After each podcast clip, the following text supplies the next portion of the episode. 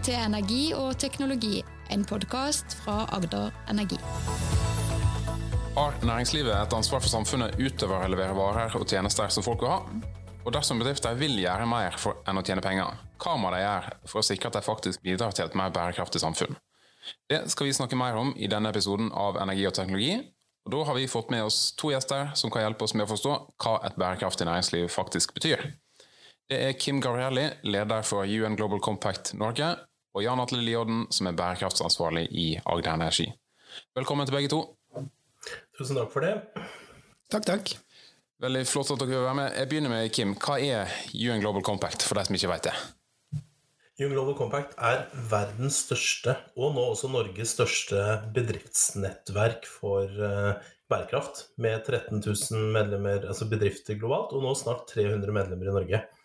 Uh, og I tillegg så er vi jo da også FNs organisasjon for bærekraftig næringsliv. Men en medlemsstyrt organisasjon her i Norge. Mm. Hvorfor skal eh, norske bedrifter tenke på, på bærekraft i det hele tatt? Altså jo, vi pleier å sette to grunner til det. For det første så, så er det jo, forventer vi jo at norske bedrifter er ansvarlige eh, og tenker på, om, altså på, samfunnet rundt seg og sine ansatte og klima og miljø, som, dere, eh, som alle nå er liksom opptatt av. Men ikke minst fordi det er en businessmulighet. Eh, Her er det store muligheter i det grønne og det bærekraftige skiftet. Og bedrifter som nå ikke tar tak i de mulighetene, de vil dø, sa eh, sentralbanksjefen i Storbritannia. Og da vet vi at da er det alvor, når vi har kommet dit. Jan Atle, bare for å ta, det først. Agder Energi um, har, Du er altså bærekraftsansvarlig i, i Agder Energi. Og, uh, hva, hva, hva, slags um, rolle er det? Det er ikke noe en alltid har hatt. Nei, det begynte vel ca. for to år siden, omtrent samme som Global Compact Norge ble oppretta. Eh, da Kim begynte sin jobb. Og det var rett og slett behov for mer koordinering og mer fokus på bærekraft. Og så så vi at i tillegg til å følge de prinsippene, at det var eh, viktig da, å jobbe mer med FNs bærekraftsmål. Og, og rett og slett jobbe systematisk med det i hele verdikjeden vår. Den bransjen som vi jobber i, da, fornybarbransjen, den er historisk sett Den, den ble jo bygd opp, Mye av vannkraften i Norge ble bygd opp på 30-90-tallet. 30 det var som en langsiktig industripolitikk og utnytte de ressursene vi hadde. Men så, eh, på 2000-tallet, så kom det et veldig fokus på eh, det grønne skiftet. Og så plutselig så vi at vi satt midt i en bransje som, som liksom var en del av framtida. Og det har egentlig ikke vært så mye fokus da, på, på, bærekraft historisk, fordi vi har hatt et, et, man har sett på vannkraft og fornybar energi som noe med veldig lavt avtrykk. Men så har liksom bankene og andre begynt, de som vi låner av, og som hjelper oss med å finansiere utbygginger, nå har de begynt å stille oss spørsmål da, om om hvordan vi jobber med bærekraft. For vi må liksom dokumentere at det er bærekraftig det vi driver med også. Eh, så omgivelsene stiller mye strengere krav nå da, til å vise hvordan vi opptrer ansvarlig og bærekraftig enn det de gjorde. Jeg tror det som eh, Jan Atle er inne på her er viktig. Du snakka om de ti prinsippene og refererte da til UN Global Compact sine ti prinsipper, som er, eh, er, noe man forplikter seg til når man blir medlem hos oss, og som er en rettesnor for hvordan noen prinsipper og, og liksom guidelines for hvordan man skal jobbe for å være både ansvarlig og bærekraftig. Og Da er det jo særlig fire områder som ikke er, eller det er liksom fire hovedinndelinger som ikke er overraskende for de fleste lytterne her, men det er menneskerettigheter, det er eh, arbeidsliv, det er miljø og det er eh, antikorrupsjon. Og det er klart at både arbeidsliv og antikorrupsjon så er det veldig mye regler på plass i Norge, og mye som selskapene følger. og, og man kan fortsatt gjøre mer, men det er gjort mye. Når det gjelder klima og menneskerettigheter så er det mye, og miljø, så er det mye større temaer. Altså det er mye breiere, på en måte. Og det er det som er utfordrende både bærekraftsmålene og de ti prinsippene. at Hvor starter man? Eh, og det, eh, som du sier, Jan Atle, så har det jo vært sånn i fornybarbransjen i Norge. altså Den grønne eh, vannkrafta vår har jo ofte vært sett på som fornybar og, og bærekraftig. Og det er den selvfølgelig. Men det man ofte har glemt litt i det regnskapet, er jo da Eh, naturinngrepene, ikke sant? som vi selvfølgelig har hatt demonstrasjoner eh, mot. Og vi ser det igjen nå med vindmøller. Men, men det er jo en, en, annen ting som man kanskje ikke har vært flink nok til å dokumentere. og Derfor er det jo bra at nå også fornybare aktører, som da Energi og eh, Statkraft f.eks., er veldig opptatt av eh, mer enn liksom, den fornybare energibiten, og at man nå stiller strengere krav til seg selv, sånn at andre kan holde dere eh, ansvarlig. Og det, jeg tenker, det er jo det som er viktig for oss. Man skal være både ansvarlig, ta vare på verdikjeden sin, det negative fotavtrykket, som det vi kaller for den skyggesida. Eh, og så har du selvfølgelig solsida, hvor det er en type vinn-vinn. Hvor dere kan tjene mer penger og samtidig gjøre eh, eh sørge for å bemindre mindre klimautslipp, f.eks. i i, eh, i, verden. Og det er klart at det er eh, Får vi til begge de tingene, så, så er vi på god vei. Ja. Det som er spennende med den rollen nå, som, som bærekraftsansvarlig, er jo at det er en ganske ny rolle som veldig mange bedrifter nå driver og ansetter. Og litt av den jobben går egentlig mye på å stille spørsmål. Da. Så gjør vi det smart nok? Altså tar vi det ansvaret? Tar vi, tar vi, følger vi med på arbeidsrettigheter og, og disse tinga.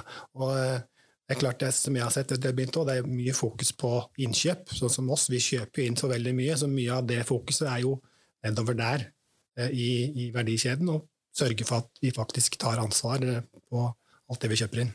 Det, det må utfordre Kim, er jo litt av kanskje rollen til UN Global Compact òg. Kanskje du kan si litt om hvordan en som, som organisasjon jobber overfor de som er medlemmer hos dere?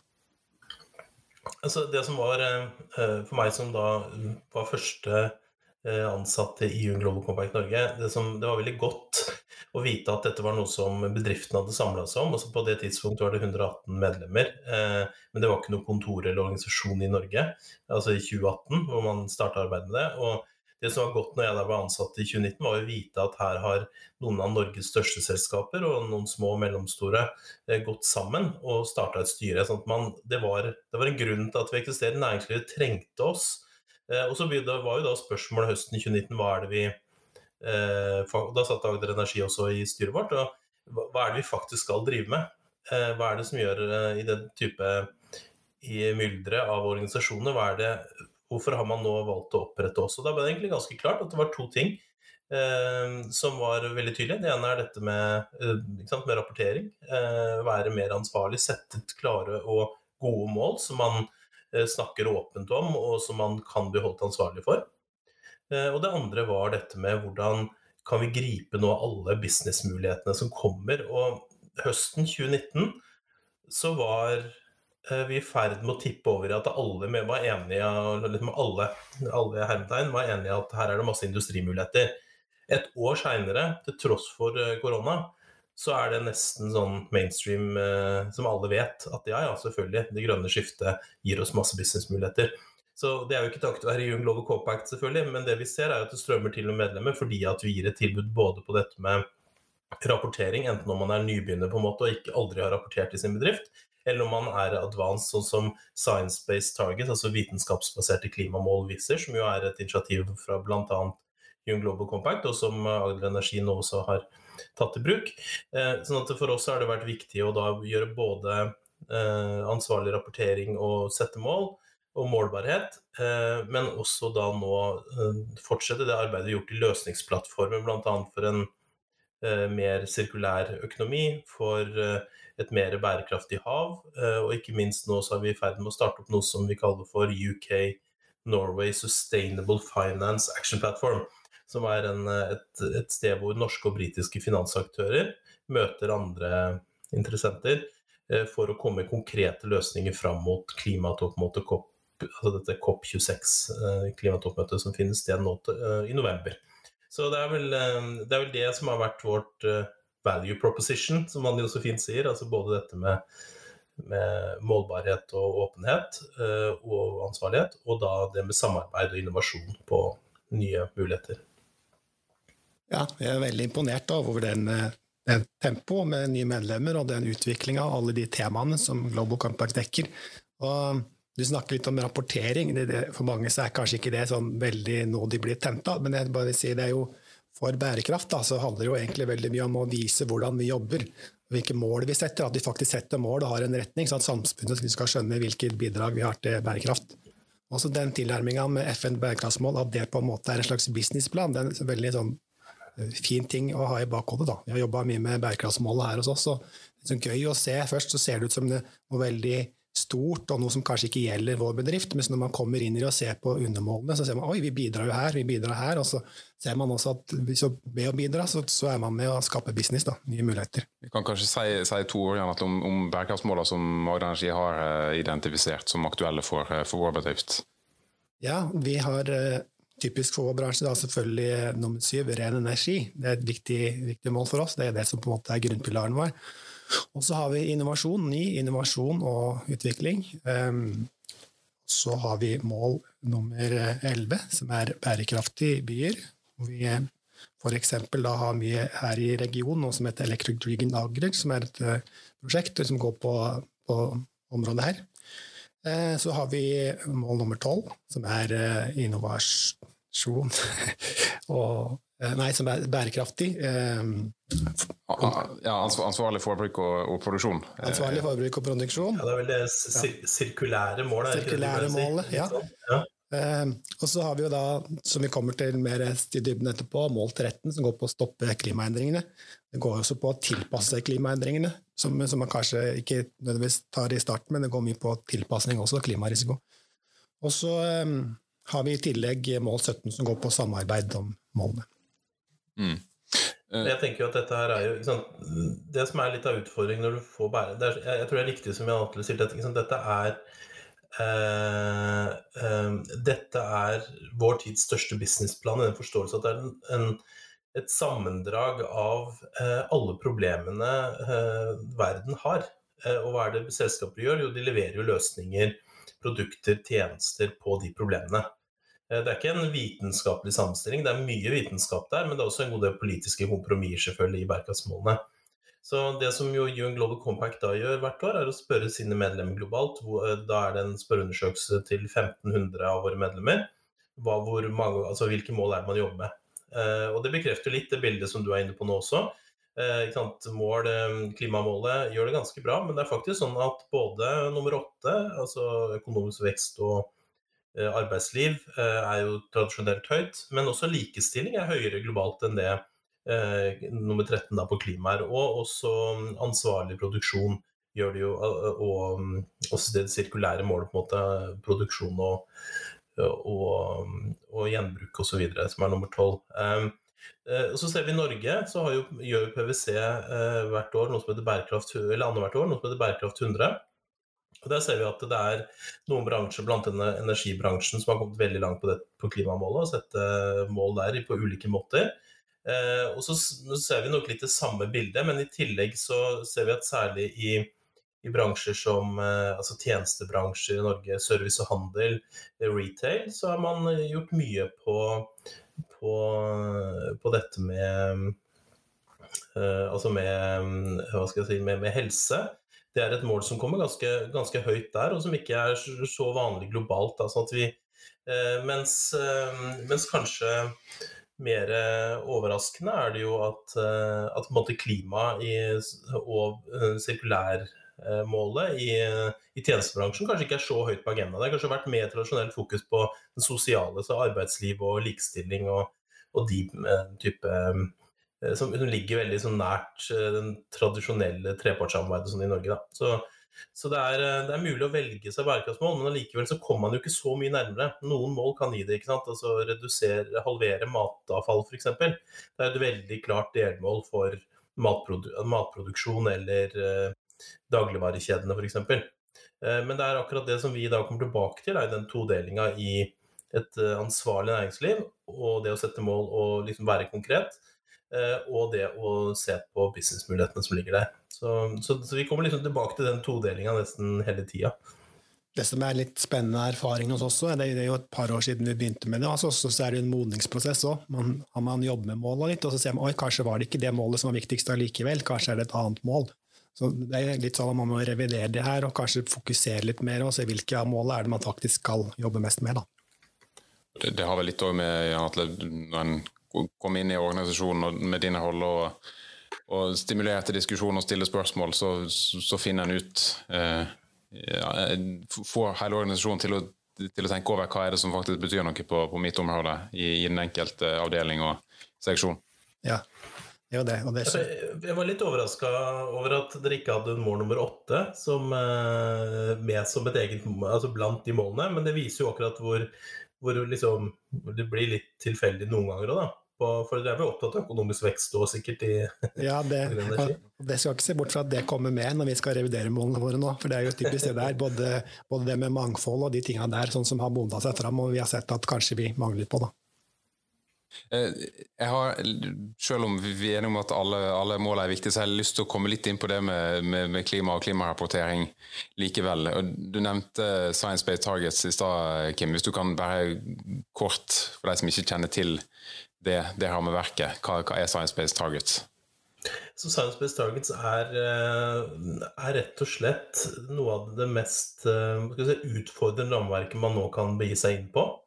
Eh, For, eh, fordi at det er en mulighet for selskaper til å få godkjent sine, eh, de målene de setter seg opp mot Parisavtalen, altså klimaavtalen, fra et eksternt forskningspanel. Og det er UN Global Compact sammen med WWF og CPD og mm, World Resource Institute som står bak dette. Og det er klart at det, er ingen, det er ikke UN Global Compact har ikke lett på å si at nå godkjenner vi målene deres på en måte for at det skal stå være i tråd med Parisavtalen og en reduksjon da i på 1,5 eh, Altså ikke en, eh, altså altså en oppvarming på 1,5 grader. Eh, Så at dette er ganske alvorlige saker, og det kan sikkert Jan Atle også si mer om. Hvor, altså det, er ganske, det er ikke bare gjort en håndvending, dette her. Det er en ganske lang prosess.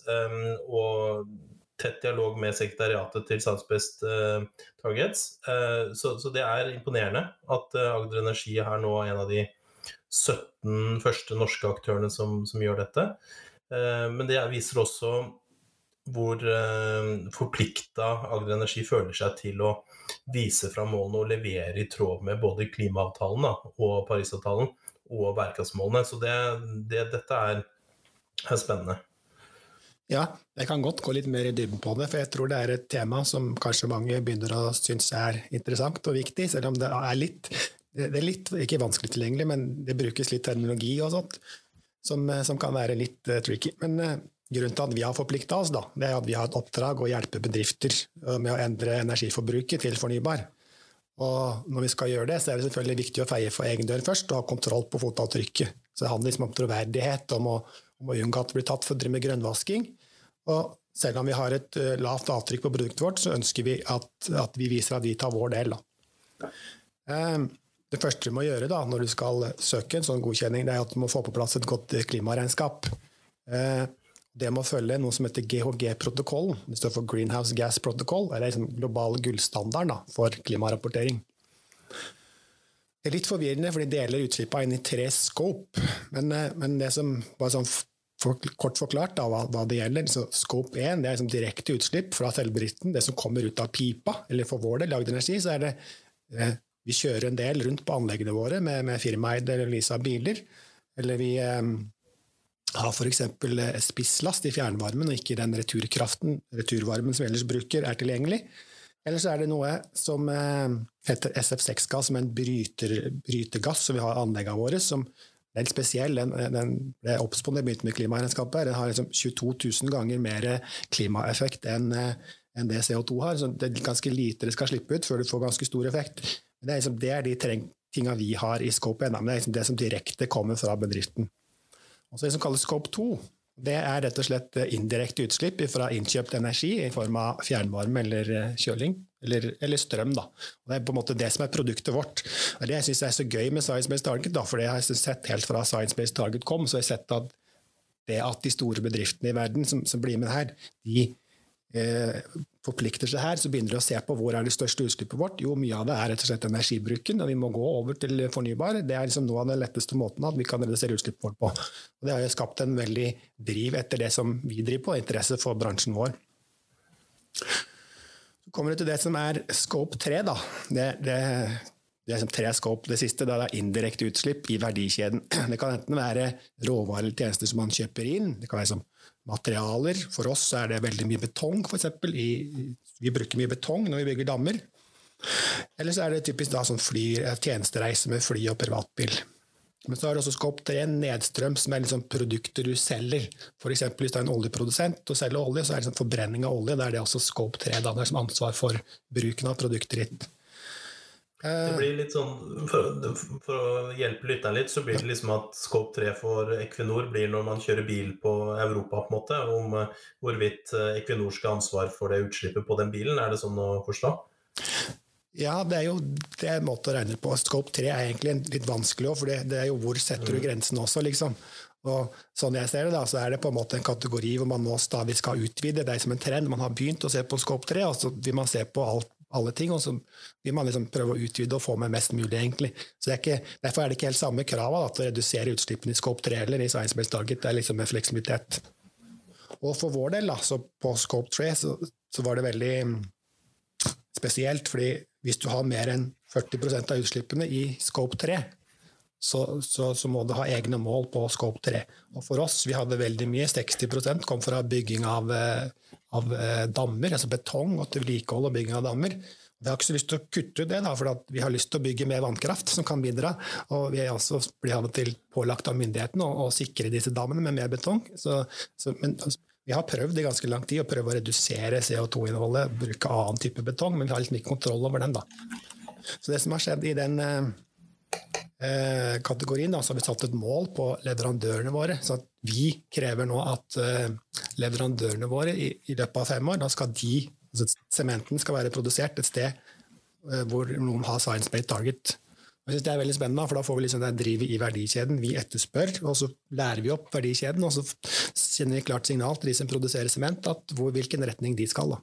Og det, det er vel litt av, litt av eh, gevinsten òg, Kim, når, når det gjelder når et selskap stiller krav og videre i sin verdikjede, så bidrar en langt utover sin egen eh, virksomhet.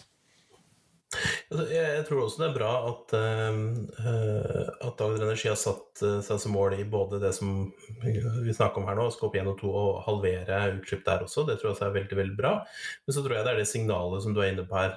hvordan uh, Og vi, vi, er jo kjent med Norge, og der er jo noe, et av de stedene hvor, hvor regjeringen også nå tar størst grep, er jo nettopp på betongsida. Ikke sant, med karbonfangst og -lagring bl.a. Sånn at, og det er jo en stor stor utfordring, ikke bare for energisektoren, men også for byggesektoren, som jo utgjør veldig stor andel av um, utslippene. Så, så, så, dette er jo helt riktig måte å tenke på. Eh, og at, men det blir, det blir spennende da, ikke sant, å se hvor mange betongprodusenter og andre vil klare å, vil ønske å sette vitenskapsbaserte klimamål. Uh, det blir uh, det blir spennende. fordi vi er jo, Det er bare 17 så langt ikke sant, av mange mange 10 000 bedrifter i Norge som har kommet hit. Så, så det å, å, tenke både de store, som betongprodusentene antageligvis alle kan kategoriseres som, i hvert fall mange av dem, men også de små og mellomstore, det blir viktig å få med, få med liksom det store laget av, um, av bedrifter og selskaper. Mm. Jeg tror det er veldig viktig. Så bare litt tilbake til, til, hva annet vi må gjøre. Da. Nå var jeg så veldig på scope 3, men vi skal jo redusere utslippene våre med 50% i scope 1 og 2. Og for vår del så handler det rett og slett om å elektrifisere både transporten vår rundt på anlegget. Har ikke vært så lett, for det har ikke vært så mye tilgjengelige eh, biler. Men nå etterspør vi det, og så kommer det plutselig varebiler med rekkevidde som vi kan bruke. Og det handler om å elektrifisere noe av den spisslasten i fjernvarme som vi har. Og så handler det om å håndtere den SF6-gassen bedre. Da. Så liksom det som jeg er ganske optimistisk på at vi skal klare det, de måla sånn. Når det gjelder Scope 2, så er det klart der er vi fornybarprodusent, og vi, vi, dokumenterer og bruker kun fornybar energi, så det har vi egentlig ikke noe spar. Det har vi vært på null veldig lenge. Um, dette er jo en utfordring for Norge generelt, egentlig, at ikke vi kan kutte noe særlig for, altså, forbruket. Uh, altså, vi, tjener ikke så mye på å kutte forbruket til den enkelte person i Norge, uh, fordi, fordi, det meste er, er fornybar kraft, og mye takket være dere. Så det er jo det er en utfordring som flere ser, sammenlignet med Europa. Det er nok en utfordring mange andre land gjerne ville hatt, å ha det i utgangspunktet. Det er nok riktig, så vi skal nok prise oss, lovprise oss for at vi, uh, ja, vi har det. Jeg tror nok mange er i samme situasjon, at likevel så kan de elektrifisere mye som ikke i dag er elektrisk. Altså gå over til elektriske kjøretøy, gå over til elektrisitet i mange prosesser og sånt. Så. Absolutt. og jeg, jeg, tenker det grønne skiftet vi står overfor nå, grønne og bærekraftige skiftet, så, så har, altså, hvordan snakker man om det, på en måte? Hvem er det som driver det framover? Og da er det eh, sånn litt forenkla, så, så, tenker jeg at det er i hvert fall fire grupperinger som er avgjørende her. Det er myndighetene, reguleringene de kommer med. Det er, eh, det er forbrukerne. Eh, det er finansaktørene, ikke minst, selvfølgelig. Fordi at de er kanskje de som er aller lengst framme, selv om myndighetene kommer etter nå. Eh, og så er det bedriftene selv. Eh, akkurat som du er inne på her med hvor, hvilke krav stiller dere i deres verdikjede, og hvilke krav bestiller dere igjen av deres finansaktører og eventuelt andre, sånn som dere handler av. Da. Så eller selger til. Så, jeg tror at dette er, eh, dette er kjernen av det vi må oppleve og jobbe med. Og, der tror jeg nok at vi i UN Global Compact vil oppfordre bedriftene, men også myndighetssida, hvor vi opplever at eh, det er utfordrende sant, at eh, Stortinget ikke klarer å komme opp med et klimaforlik, sånn at, vi, at det er forutsigbarhet for Eh, for bedriftene og næringslivet. Samtidig som det er en viss konkurranseelement mellom politikerne. Da, at de, eh, de, konkurrerer om de beste løsningene. og Det kan jo også være bra for alle som er tilhengere av et, eh, en markedsfunksjon. Så, så, en kombinasjon av et forhåpentligvis mer enighet på Stortinget og en konkurranse mellom partiene for å legge stadig mer til rette både for dette med mer ansvarlighet og eh, rapportering, og på den annen side når det gjelder businessmulighetene i dette skiftet, det tror jeg tror jeg blir viktig. Ehm, næringslivet ligger mange næringslivet, ligger jo, særlig våre medlemmer, ligger jo langt framme. De har gjort et veldig, ofte et veldig bevisst valg. da. Um, ja, så, sånn overordna, Kim, hvordan ser du at vi ligger an foran nå? Det er jo 2030 som er, som er liksom perspektivet uh, for, for de 17 målene altså, Om vi når dem eller ikke, det er på en måte kanskje litt underordna. er, altså, Ikke underordna, men dere skjønner hva jeg mener. Vi vet ikke om vi når dem eller ikke. Vi, på noen områder så går det bedre enn andre. I Norge går det selvfølgelig veldig bra på fornybar energi. Eh, ikke sant? Eh, vi, eh, det er noen mål som som vi vet at Norge ligger bra på. Og så er det andre områder, som f.eks. sirkulærøkonomi, er noe som er utfordrende i de nordiske landene. Hvor vi har et veldig Vi har et lavt eh, Vi har lavere Altså, altså, vi har bare, altså, ettersom man regner på det, det er litt sånn uenighet om det, men vi har for lite sirkulære verdikjeder i Norge. Eh, og det er utfordrende. Vi eh, har også et stort forbruk, og det henger jo sammen med dette, som gjør at eh, det er kanskje et av de målene vi kommer til å slite litt. Og så er det på matavfall så ligger vi omtrent der som verden, litt bedre enn verden generelt, men det er altså fortsatt sånn at globalt så er det liksom 15% av maten som er produsert, aldri kommer fram til eh, butikkhyllene. Ca. en tredjedel av maten blir kasta på et eller annet tidspunkt etter det igjen. Så, så det, er, eh, det, er, mange ting å ta tak i, men Norge gjør det jo bra selvfølgelig på, på liksom helsevesen og, og, skolesystemer og disse tingene. Sammenlignet med bærekraftsmålene, innovasjon, internettilgang og sånn. Um, men jeg tenker at det viktigere enn om vi når målene, er om hvor nærme klarer vi å komme, og virke, hvor er det Norge har aller størst utfordringer. Og Det er ikke noe tvil om at eh, hvis vi tar med Skåp 3 da, og hvordan uh, olje og gass blir brukt i andre land, så er det klart at Norge har også en utfordring med mål nummer 13, altså klimamålet. Uh, så, her er det både på det sirkulære økonomi, klima, klimamål, og på flere steder noe å ta tak i for Norge. Selv om vi jo i den store sammenhengen gjør det veldig bra. Men jeg syns jo det er, vi er interessant. Før så pleide Norge å bli kåra hvert år til FN, altså verdens beste land å leve i. Eh, når FN da, eller UNDP tok inn klimaendringene, så forsvant vi jo lang, ganske langt ned på lista. Det var ned på 13.-plass eller noe sånt.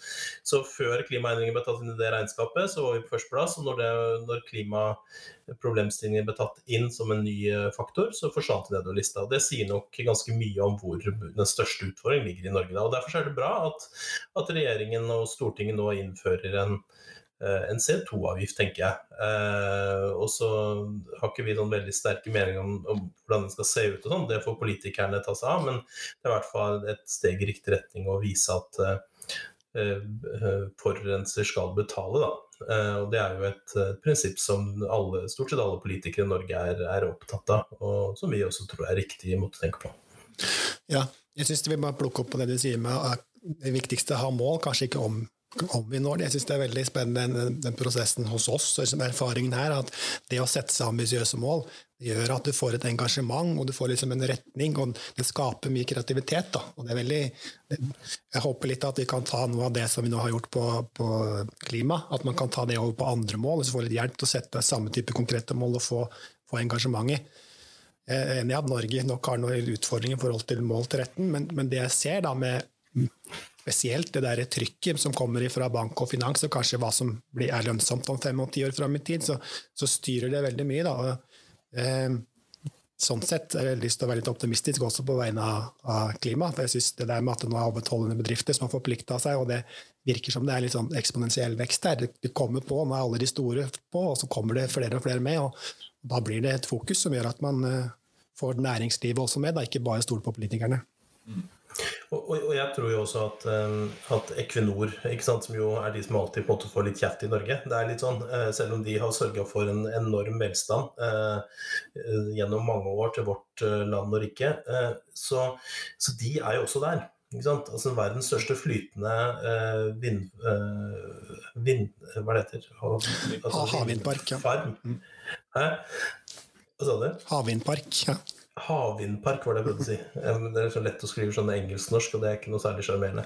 Um, Den er bygd av Equinor. Uh, og, så, men de snakker jo ikke så høyt om det nå, naturlig nok, for de er jo redd for grønnvasking. Og det er jo ikke lenge siden det var type bare én million som fikk uh, fornybar energi av av Equinor i hele verden. Så det er klart at de har et stykke å gå av de, uh, av de mange, mange millionene som får uh, energi fra dem.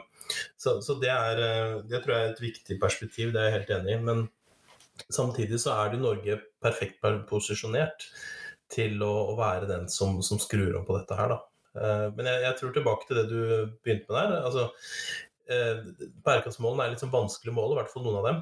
Eh, for mye, mange av de handler om prosesser og ikke kun om konkrete resultater. Men de konkrete målene som Agder Energi setter seg, de er jo lettere på en måte å se om man om når eller ikke. Eh, og det å tenke sånn som du gjorde nå, sånn som du sa nå også, eh, er jo Kan vi få de der ute til å holde oss ansvarlige? Kan, kan, de Hvis publikum følger med, så blir det litt vanskeligere å ikke nå de målene. Da. Og det at man er så åpen og ærlig, og det er jo det som er grunnen til at man har blitt medlem i Global Compact, det er jo nettopp det. Alle bærekraftsrapportene til alle våre medlemmer ligger ute på hjemmesida vår globalt. Der kan man se alle de nærmere fem, Det er vel rundt 50 eh, 000 bærekraftsrapporter som er lagd siden Young Global Compact starta for 20 år siden fra medlemmene våre. Eh, og det det er et så viktig poeng, og derfor så lanserer vi nå også en kampanje hvor vi har uh, opp, eh, oppfordra Agder Energi til å bli med. eller kan i hvert fall gjenta det her nå. Der, vi, den heter 'Hold oss ansvarlige'. Og poenget er nettopp da Vi, har, vi, startet, vi la den ut i går, så det er ikke så rart at ikke, det er så mange andre som har kommet på ennå. Men det er nettopp um, å sette fram noen av de målene man skal fortelle om hvilke mål man har sagt, satt seg. Eh, og fortelle om liksom, hvor tidsbegrensa de er, og når man skal rapportere på det. Og Det begynte vi med i går, å si da om vårt eget lille sekretariat, hva vi forplikter oss til eh, i, vår, i, vårt daglige arbeid. Eh, og vi vet det kommer flere selskaper som har allerede sagt at de vil være med. Og det, det er viktig. altså Folk følger med, ikke bare internt i bedriften, men også utenfor, og i styret. Og styret er jo kanskje det final frontier, hvis vi kan kalle det det for bærekraftsarbeidet i Norge. Det er fortsatt sånn at det er veldig lite uh, Eh, aktiviteter for styremedlemmer. Så det gjør vi også noe med nå, både ved å lansere et, et bærekraftsnettverk for styremedlemmer sammen med Beskift bl.a. Eh, og DNB og Futureboard. Så, så, her er det fortsatt mye å ta tak i, men veldig bra at eh, Agder Energi leder an i, i den utviklingen, og er en av de 17 som har, har enten forplikta seg eller satt mål når det gjelder vitenskapsbasert mål. Ja, tusen takk for eh, oppfordringen. Vi vil gjerne bli stilt ansvarlig, vi. Og det er jo det det handler om. Det er derfor vi er med i Global Compact òg, for, for, å være med på sånt, og litt for å, for å få inspirasjon av andre rett og slett. Det handler om å inspirere hverandre for å få opp den farta som faktisk trengs. Da, mm. da håper jeg kanskje at lytteren òg har tatt litt inspirasjon fra eh, samtalen eh, her i dag. Da skal jeg takke både mm, Kim Gabrielli og Jan Atle Liodden for at de stilte opp hos oss i Energi og teknologi. Mitt navn er Harald Wengen. Jeg vil takke for at de som har lytta til oss, har gjort det. Eh, Minn om at en kan finne alle podkastene våre på ae.no podkast, ellers kan du abonnere der du vanligvis finner dine podkaster. Hvis du har lyst til å gi oss en rating i uh, iTunes, så blir vi selvfølgelig veldig glad for det. Og til og med hvis du tipser en venn eller en kollega, så er jo det supert. Har du uh, forslag til gjester eller tilbakemeldinger ellers, så uh, tar vi gjerne imot det på e-postadressen podkast1ae.no med K. Takk for oss.